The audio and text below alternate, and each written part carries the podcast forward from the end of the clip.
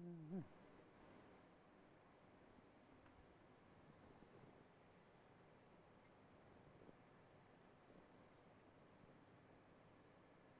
あもう小学生でも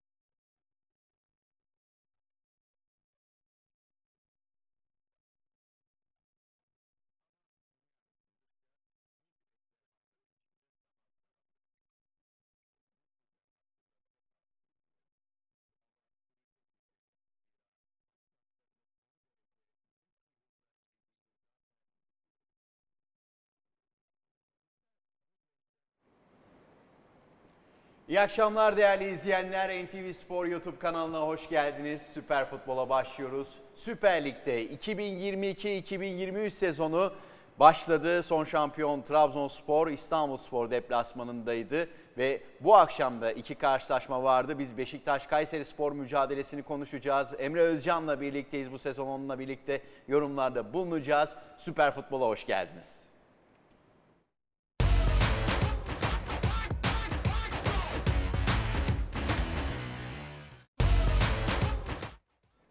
Süper Futbol'a hoş geldiniz. Bir kez daha Emre Özcan'la birlikte yeni sezonu açıyoruz. Emre hoş geldin. Hoş bulduk, Hayırlı merhaba. olsun diyelim yeni sezon. NTV Spor ailesine de hoş geldin diyelim. Güzel bir sezon olsun. Umuyorum öyle olur. Ee, Sizinle burada olmak sezon boyunca e, Türkiye Süper Lig yayınlarıyla birlikte olmak benim için çok mutluluk verici olacak. Onu söylemek isterim öncelikle ki e, benim için NTV Spor'un özel bir anlamı da var biliyorsun. Benim ekranlara ilk çıktığım yer burası. Yeni Sen de Yen Sen de programı. Bundan muhtemelen bir tam tarih veremeyeceğim belki ama bir 12-13 sene önce. 10 Yani yıldan fazla diyelim. daha fazla. Ee, o yönden de çok önemli benim için NTV Spor ve burada sizle birlikte olmak olacak, e, ol- sizle birlikte olmak e, sezon boyunca benim için çok büyük bir keyif olacak kesinlikle. Evet aslında bu akşam iki Ali Emre olarak yayını yapıyoruz. Bir ben de Ali var. Emre dedi ol ama sen de Ali Emre Özcan ama pek Ali'yi kullanmıyorsun. Burada ben Ali Emre, o Emre Özcan olarak e, yayında Çok olacak. insan bilir benim e, ilk adımı. Tabii biz seninle çok uzun zamandır tanışıyoruz. Bir ben biliyorum ve etrafındakiler biliyor.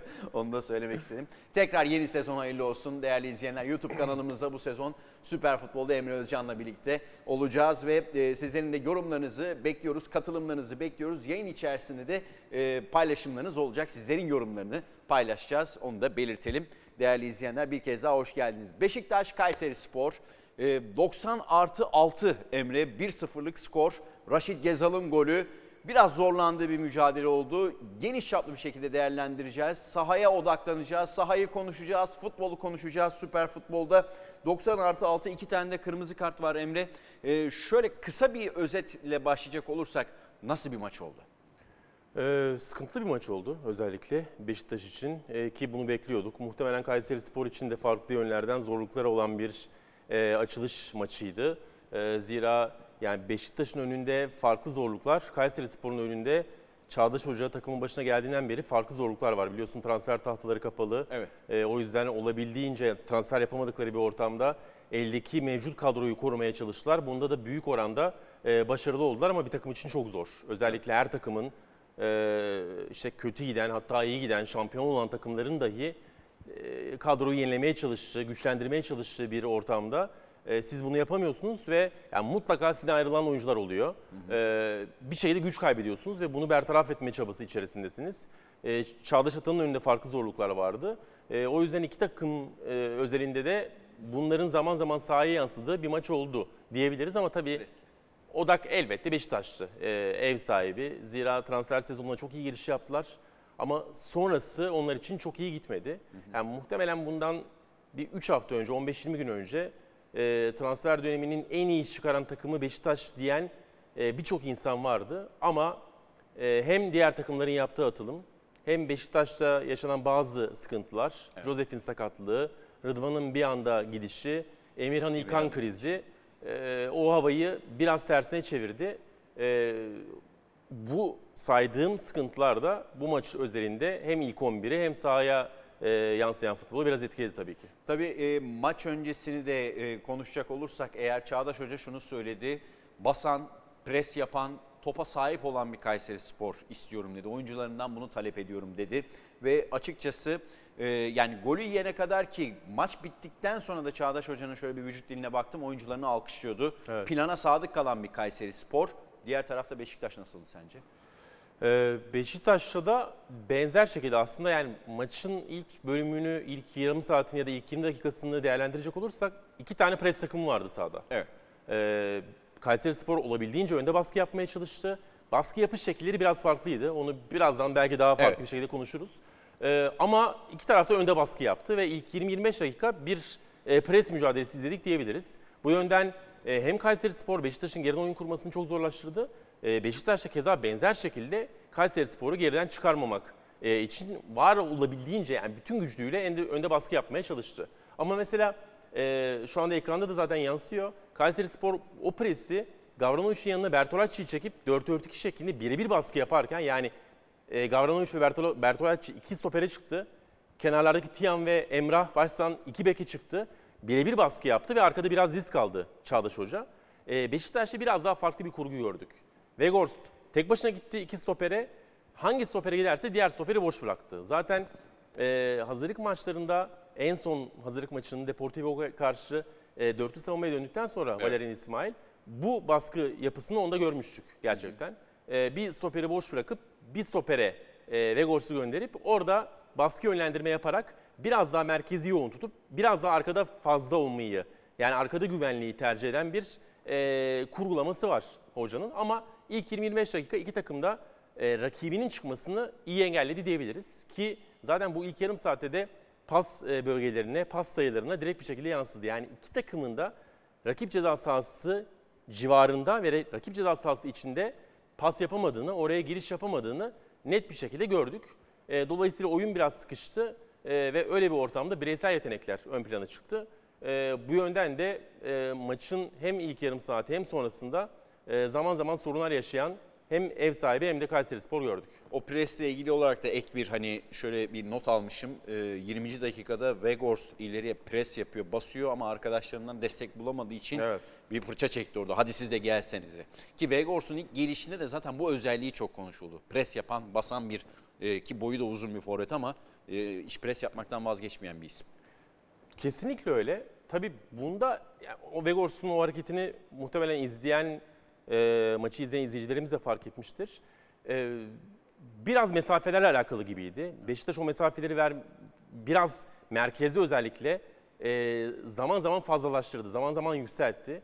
E, bunda tabii orta saha yapısının çok değişmesi muhtemel faktörlerden biridir çok büyük ihtimalle. Çünkü işte yaşanan problemler, Josef'in sakatlığı, e, Emirhan'ın denklemden çıkışı bir anda Kartal'ı bu maçta Kartal girdi işin. İlk kez ilk 11 oynadı. kesinlikle. Ve mesela Kartal aslında en yakın oyuncuydu Vegors'a.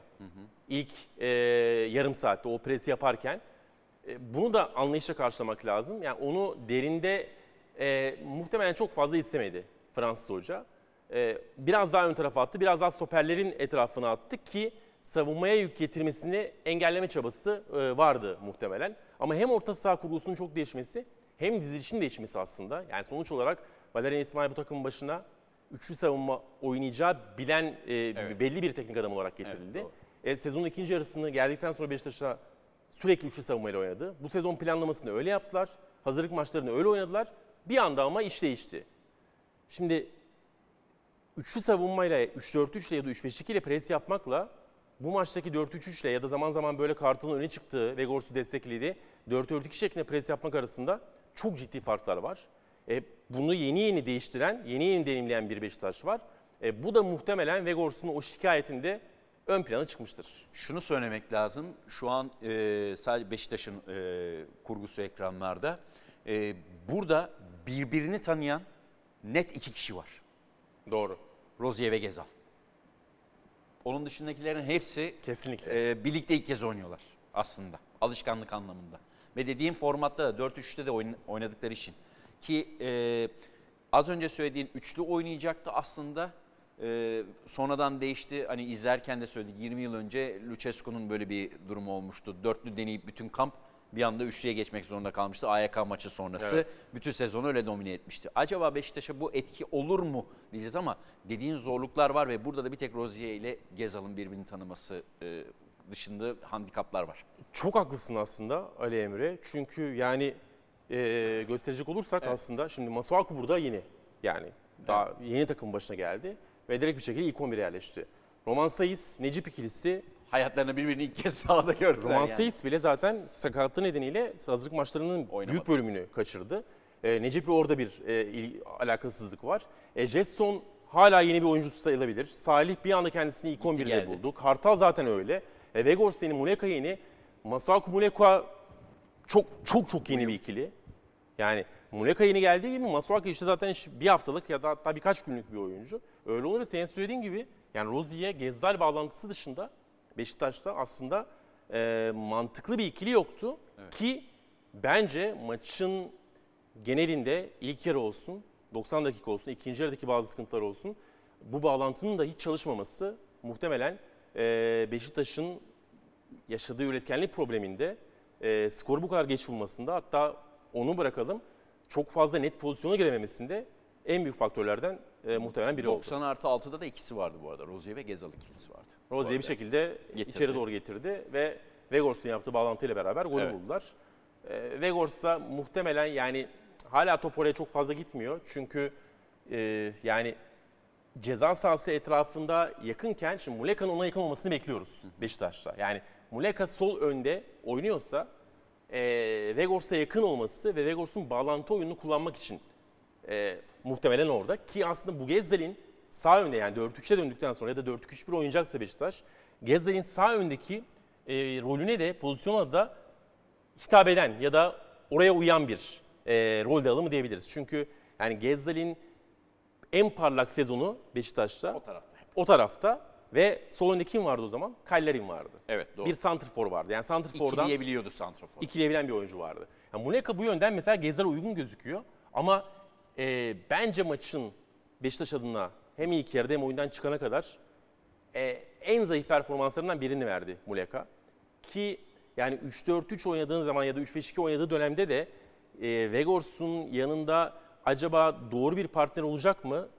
E, o konuda tam anlamıyla soru işaretlerini gideremeyen bazı maçlar oynadı Muleka. Bugün 4-3-3'ün sol kenarında e, sanki o şüpheleri, o tereddütleri biraz çoğaltmış olabilir. Orada Beşiktaş biraz yük fazla gibi sanki onun. Hem e, savunmaya da yardım etmesi gerekiyor hem hücumda aldığı zaman. Yani santrafor mevkiinde oynadığı zaman Kasımpaşa'da hatırlayalım her yeri gezebildiği için biraz daha e, efektifliği oluyordu. Ama tek kanada mahkum kaldığı zaman e, sanki düşüyor gibi performansı. Evet yani Kasımpaşa öncesinde çok tanımıyoruz oyuncuyu ama Kasımpaşa'da geldi. Hızlı bir şekilde sezonun ilk yarısında çok iyi performansçı olan Umut Bozoğu yedek kulübesinde bıraktı ve Umut Hiçbir Beşiktaş maçı var. müthiş oynadı. Yani ikinci yarıyı resmen domine etti Kasımpaşa formasıyla ama hep 9 numara olarak gördük ve tek Evet. santrfor olarak gördük. Şimdi böyle oyuncular orayı dolduran başka bir oyuncu varken yardımcı rolde gerek ikinci santrfor olsun gerek böyle 4-3'ten sol kenardan olsun e, zaman zaman sorun yaşayabiliyorlar. Peki Enkudu girdi. O nasıl katkı verdi sence? Biraz daha Gezal'la da alışık olduğu için hani geçen sezondan dolayı e, daha çok katkı verdi diyebilir miyiz Enkudu için? %100 daha çok katkı verdi. Ya aslında ikinci yarıda son yarım saatte Beşiktaş'ın hareketlenmesinde en büyük faktör e, büyük ihtimalle Enkudu oldu. E, yani işte Muleka'nın oraya yaklaştığı ve o bağlantıları Beşiktaş'ın kuramadığı, Rozier Gezel bağlantısının da çalışmadığı ve o ikilinin işlemediği bir ortamda e, Santrfor ikilisinden beklenen performans alamadığı ortamda Muleka çıktıktan sonra oyuna Enkudu girdi ve çizgide oynamaya başladı. Evet. Tam anlamıyla çizgiyi kullanan e, bir e, Beşiktaş gördük. Sol kenarda özellikle. E, ama orada da başka problemler tabii ortaya çıkabiliyor. E, Ne gibi mesela? Şöyle ki aslında yine çıkacağım, kalkacağım yine. Şimdi e, bu maç üzerinde söylemiyorum bunu ama e, şeyden sonra şimdi Muleka oyundan çıkıp Enkudu oyuna girdikten sonra son yarım saatte o performansla beraber muhtemelen Beşiktaş taraftarı şunu diyecektir. Kısa vadede en azından Enkudu ilk 11'e yerleşsin. Evet. Ama hemen şöyle yapalım. Bir değiştir bakalım değiştir. İnşallah değişecek. Bir daha deneyelim. Olmadı. Şimdi oldu. Şuradan. Şuna basılı tamam. Bir daha deneyelim son kez. Olmuyor. Tamam, Tamam, önemli değil. Enkudu girdi diye düşünüyorum. Peki. Şimdi Ha, girdi değişti. zaten. Şu anda İçeriden girdi. müdahale geldi Muhtemelen. ama. Şimdi Enkudu çizgiye çıktı. E, dolayısıyla Gezel zaten çizgide içeride oynuyor. E, Vegors'un böyle bir ortamda Enkudu'nun birebirlerinde yalnız kaldığı bir denklem ortaya çıktı. Yani e, evet Enkudu aldı topu, driblingi yaptı, topu taşıdı, e, ceza sahasına doğru hücum etmeye çalıştı, toplu ya da topsuz. Ama e, Vegors'un yanına diğer oyuncuları, orta saha oyuncularını biraz sokmakta zorlandı e, Beşiktaş. E, dolayısıyla onun oyundan e, çizgide oyunu genişlettiği ortamda merkezden mutlaka bir katkı alması e, gerekiyor Beşiktaş'ın. Ama bunun dışında başka bir problem de var bence. O problem de bence Masuaku.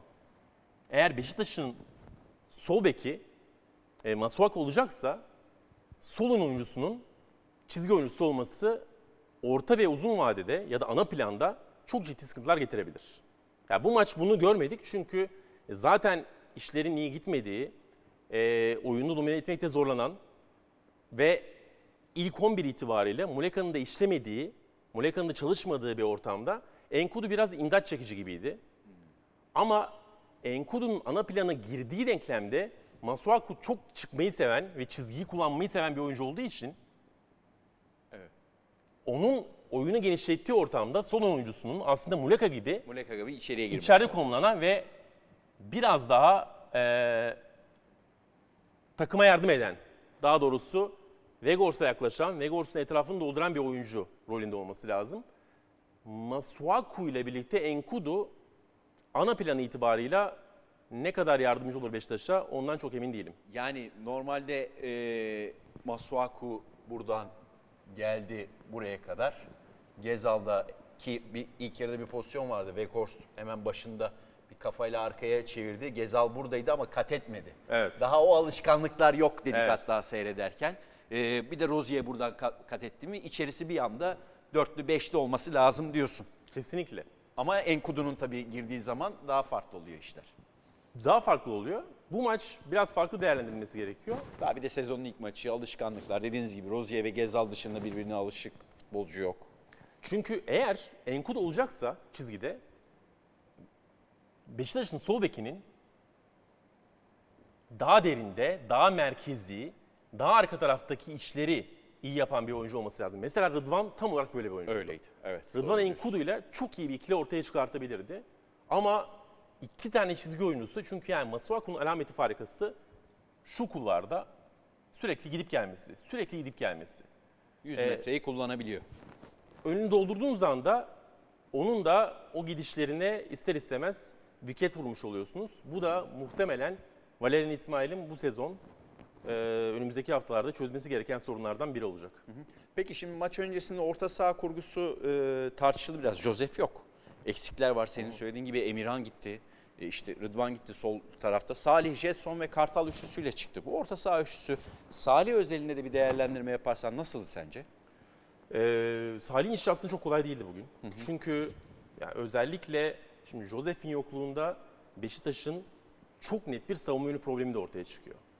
Ee, bugün net bir şekilde Salih savunma yönünü çekti. Kartal orada kullanma şansı yoktu. Çünkü zaten o oyuncunun üzerindeki yük çok arttırdı. Dediğim gibi yani onu derinde kullanmaktansa rakip kaleye yaklaştırması ve stoperlerin kucağına atması üzerindeki baskıyı, savunma baskısını almak için çok doğru bir hamleydi e, Valerian İsmail'in. Jetson bu rolü oynayabilecek bir oyuncu değil. Yani Salih'i öne çıkartıp Jetson'u merkeze alsınız. Atletizmle, rakibi bozmasıyla, savunma yönü tutmasıyla yani defansif yönden daha iyi bir hamle yapmış olabilirsiniz. Ama bu Jetson'u çok öldüren bir e, pozisyon ve rolü beraberine getiriyor. Bu arada Atiba da yok. E, dolayısıyla bu maç üzerinde Salih'i oraya çekip onun en azından pas kalitesini, savunma yönünde oyun kurmasını, top çıkarmasını düşünmek ya da kullanmak çok doğruydu. Çünkü yani muhtemelen Valerian İsmail de şunun farkında. Evet, e, rakipleri şu ana kadar çok iyi tanımıyor, rakip hocaları çok iyi bilmiyor. Ama Çağdaş Atan'ın bir pres hocası olduğunun, Çağdaş Atan'ın bugün Kayseri'yi e, bu maça önde baskı için çıkartacağının farkında. E, arka taraf sayıs dışında Necip'le beraber oyun kurmak için de çok ideal değildi bugün Beşiktaş'ın. O yüzden Salih'i oraya çekmek, e, arka taraftaki pas kalitesini arttırmak için e, doğru bir hamleydi diye düşünüyorum. Toplu işleri son derece yapan bir e, Salih gördük ama zaman zaman bu savunmada takıma e, yükler getirdi. Peki e, şimdi şöyle notlarıma bakıyorum ki Salih'in bir nefis de bir şutu var bu arada. Direğin Evet. bayağı ki e, ceza alanı önünden de e, bir ara o son bölümde Beşiktaş rakipte 10 kişi kalınca baskı kurduğu bölümde Salih aslında yay civarında bayağı e, pozisyon aradı. E, çok güzel de bir şutu vardı. E, başka hemen şöyle bakıyorum. Gezal. Gezal'ı konuşalım biraz. Şimdi o üçlü formatta oynarken şöyle bir e, olay çıktı. Gezal bu sene takımın 10 numarası olacak. Ee, ama orada da 3-4-3 gibi oynatıyordu aslında hazırlık döneminde de. Tam 3-5-2 diyebilir miyiz? Yani Gezal tam 10 numara gibi mi oynadı? 10 numara olmak için de illa forvet arkasında olmak gerekiyor mu? Senin de söylediğin gibi Gezal'ın aslında alameti farikası tam sağ kanatta olan bir isim. Evet, Bugün bu- 10 numarası gibiydi de zaten. Bu da aslında işte 3-5-2'nin e, Beşiktaş'a getirdiği ya da istersen 3-4-3 de diyebilirsin buna. Getirdiği sorunlardan biriydi diyebiliriz. Çünkü yani Gezzal belli ki Beşiktaş'taki o en iyi performansını işte az önce konuştuk. Biliyoruz. Sağ önde oynayan bir oyuncuydu. E, üçlü orta saha ve üçlü bir hücum attı. e, biraz sırtını çizgiye dayamak isteyen bir oyuncu. Bu demek değil ki tam bir çizgi oyuncusu. Yani tam oyunu genişleten bir oyuncu değil. Hatta tam tersine topla beraber orada alıp içeri doğru girmeye, hatta iç kulvarlardan arka direğe top kesmeyi seven ya da şut tehdidini kullanmaya çalışan bir oyuncu. Ama bu oyuncunun topu çizgide istediği gerçeğini değiştirmiyor. Ee, aslında ben onun durumunu biraz Gezler'e benzeyen, oyun tipi itibariyle de benzeyen, profili rolüyle benzeyen e, Hakim Ziya'ya da benzetiyorum Ali Emre. E, şöyle ki, yani 3-4-3'ün sağ içinde Gezdal biraz soru işaretiydi. 4-3-3'ün sağ ile 3-4-3'ün sağ arasında ciddi farklar var. Ziyech de bu sıkıntıyı mesela Thomas Tuchel ile birlikte Chelsea'de biraz yaşadı. Yani Thomas Tuchel'in düzenli bir şekilde kullandığı üçlü savunmada sağ ön e, onun oyun genişletici rolüne biraz zarar veriyordu. Çünkü Chelsea'de oyun sağ kanat bekinden genişliyor. Yani Reece James ya da kim oynarsa oynasın orada çizgiden oyunu genişleten oyuncu o. Sağ öndeki oyuncunun Hakim Ziyech ya da işte Mason Mount daha içeride, iç koridorda kullanılması gerekiyor. Ziyech çok uyumadı bu rol ve orada kendisini kötü hissetti. Geçtiğimiz sezonun ikinci yarısında bir dönem Thomas Tuchel yaşanan sıkıntıları, sakatlık problemlerini e, gidermek için dörtlü savunmaya döndü. 4-2-3-1, 4-3-3 kullandı. Hakim Ziyech o e, dörtlü savunmanın sağ ön tarafında sağ forvet gibi olan rolde uçmaya başladı bir anda. Yani muhtemelen Chelsea kariyerinin en iyi bir ayını orada oynadığı maçlarda geçirdi. Bir basın toplantısında buna mesela dikkat çekti e, Tuchel. Dedi ki bizim 3-4-3'te sıkıntı yaşıyor ama 4-3 oynadığımız maçlarda Hakim Ziyech başka bir oyuncu or- olarak ortaya çıkıyor. Çünkü bu rol onun profiline çok uygun. Gezer için aynı şey aslında geçerli. E, ki haklısın bazen sahada 3-4-3 gibi gözüküyordu. Ama aslında Vegors ve onun yanındaki Moleka ile beraber çift santrfor. Rakip e, dörtlü savunma oynadığı zaman o iki stopere iki oyuncuyla çıktı. Gezler'in arkayı destekledi ama serbest bir rolde Evet, yani gezici. gezici, zaman zaman kendisini sağa attı, zaman zaman sola attı, zaman zaman savunma arkasına iki santrforla beraber koşu attı. E, daha serbest bir rolü getiriyordu. E, fakat hazırlık maçlarında da yani Gezdal'in ona uyum sağlayıp sağlayamayacağı konusunda e, şüpheler ortaya çıktı. Bunu zaten geçtiğimiz sezonda üçlü savunmaya döndükten sonra e, lig maçlarında kendisini çok rahat hissetmediğini zaman zaman hissetmiştik Gezdal'in. Şöyle şimdi tam e, yine başa alayım ben kadroları. Kayseri Spor'da konuşalım biraz. Kayseri Spor bugün e, dedik ya plana sadık kaldı. E, tutarlı bir oyun oynadı aslında. Değil mi? Neleri iyi yaptı? Bence presi çok iyi yaptılar. E, Pozisyona da girdi bu arada. pozisyona da girdiler. Lavrinovic'in kaçırdığı karşı karşıya var. Kesinlikle yani maç aslında Kayseri Spor'a dönebilecek bir maçtı. Ee, belki çok çok net pozisyonlar değil ama yani Beşiktaş deplasmanında iyi pres yapan bir rakibe, iyi pres yapan bir ev sahibine, bir büyük takıma karşı yani bulabileceğiniz zaten pozisyon sayısı bundan çok çok daha fazla olamaz. Vallahi ilk net pozisyonu 43. dakika diye yazmışım Beşiktaş. Kaleyi Evet. bulan o da e, seken top üzerine kaldı. E, Vegors'un önündeydi yanlış hatırlamıyorsam. Zaten çok uzun bir süre boyunca şut sayısı düşük gitti maçta. Yani böyle ilk 20-25 dakika bittiğinde Beşiktaş 3-4 şut atmıştı. Kayseri Spor'un ilk bölümde biraz daha az e, tehdit e, ettiğini gördük rakip kaleyi. Ama önde karşılamayı iyi yaptılar. Zaten Çağdaş Atan takımından da e, bunu bekleyebilirsiniz. E, burada bir tehlike vardı bence. İlk yarıda maçı izlerken de konuştuk içeride. E, zaman zaman Kayseri Spor topa biraz daha fazla sahip olan bir takım görüntüsü verdi. Bir evet 20. dakikadan e, 40'a kadar neredeyse 55'e 45 gibiydi. Bu biraz tehlikeyi beraberine getirdi bana kalırsa. Çünkü e, geçtiğimiz sezonun ikinci yarısında da bu maçları gördük. Valerian İsmail'in kariyerine baktığımız zaman da e, bunu görüyoruz. Hem Wolfsburg'da hem West Bromwich'te hem hatta daha önce Barnsley'de. E, Valerian İsmail bir reaktif takım hocası. Yani topu rakibine bıraktığı zaman kontralarla, önde kazandığı toplarla, hızlı hücumlarla, direkt hücumlarla e, takımlarının daha rahat skor yaptığını gördük. Bu geçtiğimiz sezonda ortaya çıktı. Evet. Topa daha fazla sahip olduğu %60'lar 65'leri gördüğü maçlarda Beşiktaş'ın da Valerian İsmail'in eski takımlarının da sıkıntı yaşadığı onunla alakalı net gerçeklerden biri. Dolayısıyla böyle bir hocaya karşı deplasmanda çıkıp e, yeni bir takım transfer yapamamışsınız. Ya daha doğrusu yeni bir takım demeyelim. Yeni bir hocasınız Korudu bayağı takımın başında. kadroyu aslında evet. İsimler var. Aynen buna kalkışmak aslında çok kolay bir şey değildir. O yönden ciddi bir cesaret gösterdiğini söyleyebiliriz ee, Çağdaş Hoca'nın. Bu Beşiktaş'ın net kontra bulma ihtimalini beraberine getirdi ama buna çok fazla imkan vermediler.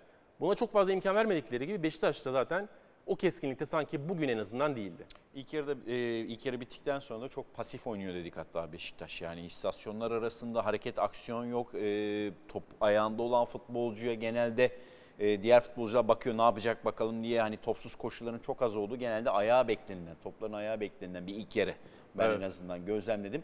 Peki şöyle bir şey de e, aktaralım hemen.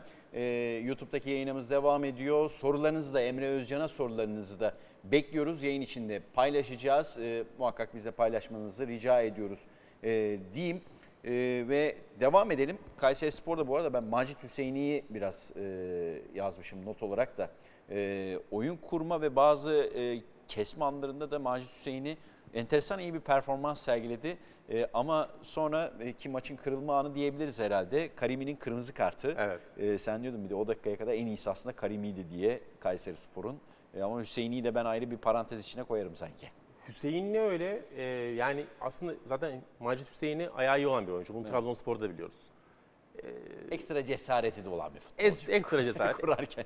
Tabii ben bunu derken şunu da söyleyeyim. Yani Türkiye Ligi standartları için e, Tabii. konuşuyorum. E, yoksa elit seviye için e, demedim bunu. Ama ayak tekniği, pas kalitesi bir stoper için bizim ligin şartlarında iyi olan oyuncu bana kalırsa. Ama bugün özellikle Kolovesios ve Ali Karimi üzerinden çok fazla bağlantı kurmaya çalışan bir Kayseri Spor gördük. Ee, dediğim gibi yani Vegors'un stoperlerden sadece birine gidişini o yönden iyi kullandılar. Vegors da genellikle bana daha çok böyle Hüseyin'e gitmeye çalışan bir yapıda e, geldi. Özellikle ilk yarıda. E, bu Kolovesios'un zaman zaman topla beraber çıkışını ve her ne kadar Karimi de Ali Karimi de baskı altında ya da birebir markajla e, tutuluyor olsa da onun üzerinden e, Kayseri Spor'un ilk yarıda zaman zaman merkezden rahat çıkışlar yaptığı denklemleri beraberine getirdi. Ali Karimi o yönden çok iyiydi. Bence hem merkezi iyi tuttu savunma yönünden e, hem de oyun kurmada Kayseri Spor'un işini çok rahatlaştırdığı e, bazı aksiyonlar var maçın genelinde. İki kontrolsüz hareket e, sarı kart kırmızı karta döndü ki tam böyle kötü noktada e, yaptığı kırmızı kartlık hareketi. Bir izleyici sorumuz da varmış Emre. Tabii. Onu da bir yansıtalım isterseniz ekrana ve e, Onur Bulut nasıldı diye Mert Ongen'den e, bir soru gelmiş. Teşekkür ediyoruz. E, Bence e, yani özellikle işin savunma kısmında iyi çıkardı. Yani Muleka'nın ne kadar e, performansını etkilediğine dair bir şey söylemek yani Onur Bulut'un savunma performansı onu e, ortaya çıkar demek doğru olmayabilir. Çünkü bugün bence Muleka da biraz kendi standardının altındaydı. Ama bunu da dediğim gibi anlayışla karşılamak lazım. Çünkü oyuncu hem işte Kasımpaşa'dan sonra farklı bir yapı içerisinde Evet, evet. e, şampiyonluk adayı bir takıma geldi. Hem de farklı bir pozisyonda ve rolde oynuyor. E, o da muhtemelen etki etmiştir. Ama bugün biraz daha savunmacı rolde gördük. Yani sürekli Muleka ile birebir oynadı özellikle. E, Beşiktaş deplasmanında oynarken de geçtiğimiz sezon özellikle ligin ikinci yarısında gösterdiği hücum aksiyonlarını e, o kadar ortaya koyamaması çok anormal değildi bence. Ben biraz Bertolacci'de de mesela e, Karagümrük zamanındaki böyle tek toplar böyle dar alanlarda hemen çıkışlarda bayağı efektif olduğunu e, gözlemliyorum. Cardozo'da keza öyle onun da bir, bir iki şutu vardı hatta kaçırdı. E, Çağdaş Hoca e, tabii Farioli ile beraber de çalıştılar Alanya'da Evet. vesaire. O, e, o oluşturulan üçgenler çok dikkatimi çekti. Israrla geriden de hep pasla çıkma konusunda ilk yarım saat e, çok netti Kayseri. Çok netti. Çok netti yani. Bir bilgiye yoktu tabii ayrı konuda. Ki aynı az önce belirttiğim tehlike gibi aslında buna kalkışmak da Beşiktaş'a karşı oynuyorsunuz, deplasmanda oynuyorsunuz. Rakip pres takımı, rakibin hocası pres hocası olarak kendisini göstermiş ve o şekilde bir profil oluşturmuş kendisine. Böyle bir ortamda ben bu deplasmanda bu kadar seyircinin önünde sürekli ayağa çıkacağım, geriden oyun kuracağım demek çok kolay bir şey değildir ve bir cesaret işidir. Ee, zaman zaman zorlandılar ama. Zaman zaman gerçekten Beşiktaş bir Boğdu. stoperi boş bırakmasına rağmen ki bu aslında oyun kurmak isteyen bir takım için e, ideal çıkış opsiyonları beraberine getirir. Buna rağmen merkezi zaman zaman çok iyi e, sıkıştırdılar. Orayı bayağı iyi yoğunlaştırdılar. Çünkü işte dediğim gibi bir santrforla iki stopere gittiğiniz zaman merkezde orta sahayı 3 oyuncuyla tutabiliyorsunuz ve oradaki yoğunluğu artırabiliyorsunuz anlamına gelir. E, oradaki çıkış opsiyonlarını iyi kapattılar ve e, Kayseri Spor'un geride çok hata yapmasına zaman zaman neden oldular. Bir sorumuz daha varmış hemen alalım soruyu da. Amir'in ismi geçiyor. Beşiktaş'a gelirse topu ileriye götürüp oyun rahatlatacak adam olur mu? Hayrettin Ersöz. Teşekkür ediyoruz Hayrettin Bey. E, Nadim Amer'i benim e, eski çalıştığım kurumda Bundesliga yayını yaparken e, anlattığım o dönem böyle ilk çıkışını yapmış e, bir oyuncuydu. İlk çıkışı yaptığı dönemde biraz daha böyle hücum karakterliydi. Biraz daha forvete yakın bir oyuncuyken zaman içerisinde daha orta sahalaştı sanki oyuncu. Biraz daha derinleşti e, profilli, pozisyonu ve rolleri. E, ama tabii bunu son dönemini çok yakından takip etmeyen biri olarak söylüyorum. E, ama benim hatırladığım Nadim Amer'i hem iyi bir atlet, Evet. hem pas kalitesi belirli bir standartta olan hem de özellikle topla çıkış yapabilen, topu taşıyabilen bir oyuncu. E, bu farklı yönlerden Beşiktaş'a e, katkı sağlayabilir. Böyle Jetson'la e, Salih arası bir oyuncu demek çok yanlış olmaz. Yani Jetson gibi dribbling yapabilen, Jetson gibi atlet ama Salih ya da diğer orta sahalar gibi pas kalitesi olan yani böyle hem yüksek ritimli hem düşük ritimli al ver yapan, bağlantı kurabilen bir oyuncu profili de var Nadim Amir'in. Bugün e, Bayer Leverkusen Borussia Dortmund'la e, oynadı deplasmanda. Orada yedek e, başladı. 79'da oyuna girdi. E, Palacios'un yerine oyuna girdi. Bir 10 dakikalık 15 dakikalık bir performans var ama Leverkusen kaybetti e, Borussia Dortmund'da. Onu da belirtelim. Bir, bir sorumuz daha var. E, sorularınızı bekliyoruz. E, sezon boyunca e, bu soruları yayınımızda sizlerle birlikte paylaşacağız. E, interaktif bir yayın olmasını istiyoruz Emre Özcan'a. E, sorabildiğiniz kadar sonra hazır burada bulmuşken diyelim yoralım onu. E, yerli oyuncu kuralı bugün Beşiktaş'a sorun yarattı mı? E, Serdar Serdar Suhanov isimli izleyicimiz. Zannetmiyorum. Ya bu maç üzerinde bence e, özel bir zorluk çıkardığını söylemek e, haksızlık Şimdi olabilir. Rıdvan gitti, Emirhan gitti gibi O ayrı konuşunca. ama yani ilk 11'de yanlış hatırlamıyorsam 4 tane Türk olması lazım. Necip var, Ersin. Ersin bir kere kalecide zaten bir Beşiktaş'ın e, Ama- avantajı olduğu için e, o çok problem yaratmıyor gibi. Ya bu maç üzerinde bir problem değil ama Beşiktaş'ın genelde çok ciddi problemi var o yönden. Çünkü yani şimdi bu maça ilk 11 4 tane Türk oyuncuyla çıkıyorsanız zaten bir Türk sorunu çekmiyorsunuz demektir. Çünkü kontenjanın bir üzerine çıkmışsınız. Ama Rıdvan ve Emirhan gitmeden önce Beşiktaş'ın bir tür problemi vardı. Artı 3 için. Yani Ersin garanti diyorduk. Evet. Rıdvan işte gider gibi oldu, sonra kalır gibi oldu, sonra bir daha gitti. O kalır gibi olduğu dönemde Rıdvan garanti diyorduk ve üçüncü oyuncu yarayacaktı Valerian İsmail. O üçüncü oyuncu bazen Necip olacaktı, bazen işte yeni transfer Emrecan olacaktı, bazen Emirhan İlkan olacaktı. Yani Emirhan İlkan'a bu sezon muhtemelen işte lig artı kupa bir 45 maç toplamda. O 45 maçın 15-20'sinde en azından ilk 11 çıkar diye düşünüyorduk. E, bu önemli bir opsiyon getirecekti. Ama e, orada bile yani üçüncü oyuncu, net bir üçüncü oyuncusu yoktu Beşiktaş'ın. Evet. Şimdi o bir sorundu. E, bu, bu denklemden iki tane çok önemli oyuncu çıktı. Dolayısıyla evet Beşiktaş'ın net bir Türk oyuncu sorunu var. Bunu giderebilecekler mi 8 Eylül'e kadar? Çok zor işleri. Ama bu maçı etkileyen bir şey bence yok. Ki o rotasyonda Salih bile e, çok az düşünülüyordu. Sen Emirhan'ı söylüyorsun Tabii. mesela Salih ama bugün Salih oynadı. Yani Salih zaten Josef denklemden çıktığı anda Girdi. bir numaralı oyuncu olarak muhtemelen e, rotasyon içerisinde ya da genel kadro içerisinde öne çıktı. E, bu arada evet e, Vodafone Park'tan da e, görüntüler e, var. Sorumuz da hazırmış. Bir sorumuz daha var. Onu da rica edelim rejimizden. E, Muleka'nın bu sistemde başarılı olma ihtimali var mı? Çağlar Kaynak. Biraz konuştuk ama bu soruyu da cevaplandıralım. Ya bu sistem eğer bugünkü dörtlü savunmaysa ya tabii ki var. Her sistemde başarılı olma şansı var. E, Biraz kalite- üçlüye göre mi aldı Muleka'yı? Şey, e, Muleka diyorum. Masuako'ya gitti aklım. Özür dilerim. Muleka ile devam edelim. Masuaku'dan mı bahsediyorsun? Yok. Ha, ben Masuako'ya gittim. Muleka. Karıştırdım. Ya e, Muleka'nın transferi bence biraz iki yönlü bir transfer. Şöyle ki, e, birincisi oyuncunun kesin olarak Vegors'la beraber oynayabileceğini düşündü Beşiktaş yönetimi. Ama arkasında şöyle bir düşüncede olduğunu düşünüyorum ben. Şimdi Vegors geldi bu sene ama ne olursa olsun yani 20 atsa, 25 atsa ya da başka bir performans gösterse de e, tutmak çok kolay olmayacak. Çünkü Burnley ciddi bir yatırım yaptı ve eğer Vegors'u bonservisiyle almak istiyorsanız sizden de ciddi bir bonservis çıkması gerekiyor. E, onu yapmak kolay değil ne olursa olsun. Dolayısıyla Vegors eğer bir yıllık bir oyuncuysa ki bence Beşiktaş yönetimi öyle bakıyor. Vegors'un seneye denklemden çıktığı anda Muleka'yı oradan boşalacak 9 numara koltuğuna oturtmayı da düşünüyorlar. Mantıklı. Ee, ve dediğim gibi birlikte oynayabileceğini bence ee, aynı zamanda düşünüyorlar. Bu anlamda Larin bir ne olursa olsun yol haritası çiziyor. Çok farklı oyuncular bu arada. Evet. Ama Larin'den yetenek seti olarak bence yukarıda olan bir oyuncu. Ee, fakat dediğim gibi yani kariyerinde sol oyun var mı Türkiye öncesi bilmiyorum. Ama Türkiye'de az önce konuştuk 9 numara oynadı. Ee, onun içinde muhtemelen yeni bir pozisyon ve yeni bir rol. Biraz zaman vermek lazım.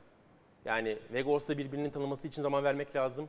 Arkasındaki sol bek için zaman vermek gerekiyor ki işte dediğim gibi Masuaku daha dün bir bugün iki. Ee, çok çok yeni bir oyuncu. Ee, orta saha keza benzer şekilde yani bağlantı kurabileceği tüm oyuncular da aslında kendisine yeni olan isimler. Ee, öyle bir ortamda yani bu maç performansı ya da hazırlık maçlarındaki e, standart altı oyunlarıyla e, Muleka'yı olumsuz değerlendirmemek gerekiyor bence. En azından bir ay, bir buçuk aya ihtiyacı var gibi oyuncunun. Ee, şimdi bir sezon öncesinin, geçen sezon değil ondan önceki sezonun şampiyonu bir Beşiktaş var. Ve o ileri e, üçlünün bir parçası şu an var. Gezal, Abu Bakar yok ve Larin de gitti. Ee, o sezon mesela şampiyon olan e, sezon hep şu aklımda kaldı benim. Bazı dönemde Abu Bakar sırtı dönük o kadar iyi topu alıp koruyup o kadar iyi istasyonlar yaratıyordu ki. e, Larin kalenin dibine giriyordu neredeyse. Gezal öyle bir kesiyordu ki Abu Bakarların işte geriden gelen destekler vesaire. Weghorst tamam presi var, e, çabalıyor ama bugün sanki Weghorst üzerinden istasyonlar kurma şeklinde Beşiktaş'ın bir oyunu olmadı. Hep be- sadece Weghorst'u bulmaya yönelik, içeride bulmaya yönelik bir oyun vardı. Bu sezon boyunca sürdürülebilir bir şey değil diye düşünüyorum. Sen ne dersin? Kesinlikle değil. Ee, çok haklısın. Ve bu Vegors, yani sen de aslında bunu söylüyorsun. Bu Vegors'un problemi değil. Muleka'yı da kullanacaksan işte Larin Abu Bakar muhabbeti gibi demek istiyorum. Bu aslında. daha çok Beşiktaş'ın problemi. Yani genel bir ana plan problemi ya da işte Valerian İsmail'in çözmesi gereken bir e, sorun gibi gözüküyor ki mesela programın başında seninle konuştuk. Enkudu'nun son yarım saat oyuna girişi net bir şekilde Beşiktaş'ı hareketlendirdi. Oyuna girdi, bir dribbling yaptı. Ondan bir 3-4 dakika sonra yine solda bir dribbling yaptı. Sağa çekti çizgide. Ceza sahasına kesti. Vegors işte vurdu vuramadı. İlk tehlikesi oldu belki de ikinci yarıda uzun zaman sonra Evet. e, Beşiktaş'ın. Yani senin söylediğin gibi yani topu aslında Gönder, muyuz? gönder. Oldu bugün biraz. Evet. Ee, Abu Bakar o söylediğim bağlantı işinin, sırt dönük bağlantı işinin yani Türkiye'deki zirve oyuncularından biriydi 9 numara itibariyle. Mesela geçen sene Batshuayi ile de yapılamadı o. Hiç, yani Batshuayi'nin yazılımında hiç olmayan bir şey zaten bu. Ama Vegors'un yazılımında var bence. Ki atılan golü hatırlayalım. Topu getiriyor Rozier. Çok önemli bir asist değil yani müthiş bir asist değil. Evet. Ama bağlantıyı kuruyor orada ceza Tık tık sahasında. bağlantı kuruluyor. Tek top bağlantıyı kurdu. Ceza sahası dışında yayın oradan. Gezal tek vuruş yaptı, golü attı. Evet. Ya bunları çok rahat yapabilecek bir oyuncu Vegors. Ama onun o bağlantısını dediğim gibi Abu Bakar kalitesinde olmasa da ona yaklaşabilecek o bağlantı kalitesini ondan almak için takım olarak yaklaşmanız gerekiyor. Valerian İsmail'in açıklaması hazırmış. Hemen onu da bir bakalım e, ekranlara getirelim. Zor bir maçtı. İlk maç olduğu için e, duyguların da karmaşık olduğu bir maçtı. Zaman zaman kontrol bizdeydi, zaman zaman rakipteydi demiş Valerian İsmail. İkinci yarıda daha iyiydik. E, galibiyet golünü son dakikalarda bulsak da bu bizim mantalitemizi gösteriyor, gösterir. E, Joseph'in Wellington'un sakatlığı var. Emirhan'ın gidişi sürpriz oldu. Çözüm üretmeye çalışıyoruz. En kısa sürede kadro derinliğimizi geliştirmek istiyoruz demiş Valerian İsmail. Ee, yani çok normal reaksiyonlar. Ee, yani kazanan bir teknik adam zaten genellikle var olan sorunları biraz böyle arkaya atıp daha farklı şeyleri işte mücadeleyi, azmi, son dakikada gelen golde işte o e, işi son dakikaya kadar bırakmamayı, son ana kadar bırakmamayı ön plana çıkartır. Çözmesi gereken çok fazla problem var. E, ben ama yani öyle şeyler yaşadı ki Beşiktaş son 15-20 günde hocanın üzerindeki e, sıkıntı bu kadar artarken aslında sorumluluğunu da biraz azaltıyor bana kalırsa. Yani bu taraftarın gözünde öyle mi emin değilim. Camianın gözünde öyle mi emin değilim. Ama bence biraz öyle olması lazım. Çünkü dediğim gibi yani Josef gibi yedeği olmayan bir oyuncu bence. Atiba'dan artık e, Josef'i yedeklemesini, Josef'in pozisyonunu ve rolünü doldurmasını beklemek çok kolay değil. Dünya Kupası var diye bir sezonda şimdi Kanada ile oynayacak diye Evet. olmak istiyor sahada Evet tabii. ama yani o oyuncuyu kaybediyorsunuz ve yani sezonun ilk bölümünü ciddi bir şekilde kaçıracak şekilde kaybediyorsunuz. Üzerine iki tane çok kaliteli Türk oyuncu gidiyor ve gelen oyuncu da yok. Yani evet Masuaku geldi ama Beşiktaş'ın zaten yani Rıdvan ve Emirhan gitmeden önce bile en az 2-3 oyuncuya ihtiyacı vardı. Şimdi daha fazlasına ihtiyaç var. E lig başladı. Ee, evet bir ay var ama artık bütün Avrupa ligleri de başladığı için yani takımlar kendi planlarını oluşturdular. Böyle bir ortamda kaliteli oyuncu bulmak çok kolay değil. Ee, dolayısıyla lig başladıktan sonra hala 2-3 oyuncuya ihtiyacınız olan bir denklem ya da bir formül ortaya çıkıyorsa e, bu sizin çok ciddi, çok sıkıntılı bir planlama yaptığınızda aslında e, önünüze getiriyor. Çünkü sadece bizim ligimizde değil, 5 büyük lig de değil. Diğer Avrupa ligleri de başladı. E şimdi herkes planını yaptı. Ondan sonra o planın dışında kalan oyuncular ya sorunlu ya da başka problemleri olan ve size ekstra maliyet, e, sizin cebinizden daha fazla para çıkmasına sebep olacak oyuncular. E, bu da Beşiktaş yönetiminin işini zorlaştıran çok ciddi bir faktör bence. Bir numaralı ihtiyacı ne Beşiktaş sen şu an? Ee, bence Beşiktaş'ın en büyük sorunu pozisyondan ziyade teknik kalite. Ki çok beğendiğim bir oyuncu olmasına rağmen Masuaku'nun da ben buna çok hizmet etmediğini düşünüyorum. Teknik kaliteye hizmet etmiyor. Evet yani Rıdvan Yılmaz pas kalitesi, geriden oyun kurma, yaratıcılık. Masuaku bambaşka bir oyuncu. Çok büyük atlet. Rıdvan'dan şu anda muhtemelen genel profil itibariyle çok daha iyi bir bek. Yani bu oyuncu West Ham'dan, Premier Lig'den geldi. West Ham o e, ligin orta üst seviye takımı Doğru. ve orada düzenli bir şekilde forma şansı bulan bir oyuncuydu. Evet son dönemi iyi geçmedi çünkü ciddi sakatlık da yaşadı. Ama ana planın ya da işte ana rotasyonun parçalarından biriydi orada. Şimdi bu oyuncu evet Rıdvan Yılmaz'dan daha iyi bir oyuncu. Ama Rıdvan'a göre teknik anlamında sorunları olan bir oyuncu. Pas kalitesi Rıdvan'ın gerisinde. Mesela Rıdvan'la geriden iki stoperin yanına üçüncü oyuncuyu çekip geriden üçlü bir şekilde oyun kurabilirsiniz. Masaoku ile bunu yapamazsınız. Masaoku sadece sol çizgide git gel yapabilecek bir oyuncu. Orta kalitesi? E, 50-50. daha tempolu olduğu maçlarda daha iyi ortalar yapacaktır. Bugün pek efektif değildi sanki Evet. ortalara. Yani ayağı çok iyi bir ayak değil zaten. Ama e, hem Beşiktaş'ın genel oyun ya da genel e, kadro kalitesinin böyle bir sorunu var. Hem de Valerian İsmail de e, oynattığı oyun ve mantalite itibarıyla e, bu sorunu biraz derinleştiren bir teknik adam bence. E, set oyunu çok kuvvetli olmayan, geriden oyun kurma işine çok fazla kafa yormayan eski takımlarında oyunu oynamaya çalışan takımların hocası çok fazla olmamış biri, bir hoca. En azından kariyerinde şu ana kadar. Ve Beşiktaş'ta da bunu görüyoruz. Yani geçtiğimiz sezonda oyun kurmayı çok fazla düşünmediler. Hazırlık maçlarının hemen hemen hiçbirinde ya geriden ikili, 4 artı 1, 3 artı 2, 3 artı 1 geriden pasla çıkalım fazla ön plana çıkmadı. Daha çok uzun vurmayı düşünüyorlar. Şimdi hal böyleyken sol bekte de teknik kalitenin geriye gitmesi, fizik kalitenin artması, temponun artması Beşiktaş'ın ihtiyacı olan şey mi? Ondan emin değilim. O yüzden biraz oyunu oynayan oyuncuya ihtiyacı var bence Beşiktaş'ın. Ee, bir arkadaşım mesaj atmıştı lütfen sor dedi özel ee, şey sipariş soru. 10 numaraya ihtiyacı var mı Beşiktaş'ın? Ama bu oyun şimdi böyle şu üçlü formatta 10 numara mı 2-8 mi Josef yok Atiba yok işte ee, yani orada bir Josef'iniz olsa tamam önde 10 numaranız olsun. Ama Bu soruya şöyle karşı bir soru sorabilirim ben ya da karşı bir soruya cevap verebilirim izleyicimize. Diziliş dörtlü savunma mı olacak? önce ona bir Eğer yani 4-3-3, 4-2-3-1 bunlar ön plana çıkacaksa o zaman bir 10 numaraya ihtiyacı olabilir Beşiktaş'ın. Ya da bir yaratıcı orta saha ihtiyacı kesin olur. Ya 10 numara demeyelim, bir yaratıcı orta saha oyuncusu diyelim ona. Ee, hele Emirhan da oradan o yönden denklemden çıkmışken. Ama 3-4-3, 3-5-2 zaten Vegors Muleka arkalarında Gezer. Yani 3-5-2'nin 10 numarası Gezer. Oraya bir 10 numara alırsanız Gezer'e yer bulamazsınız.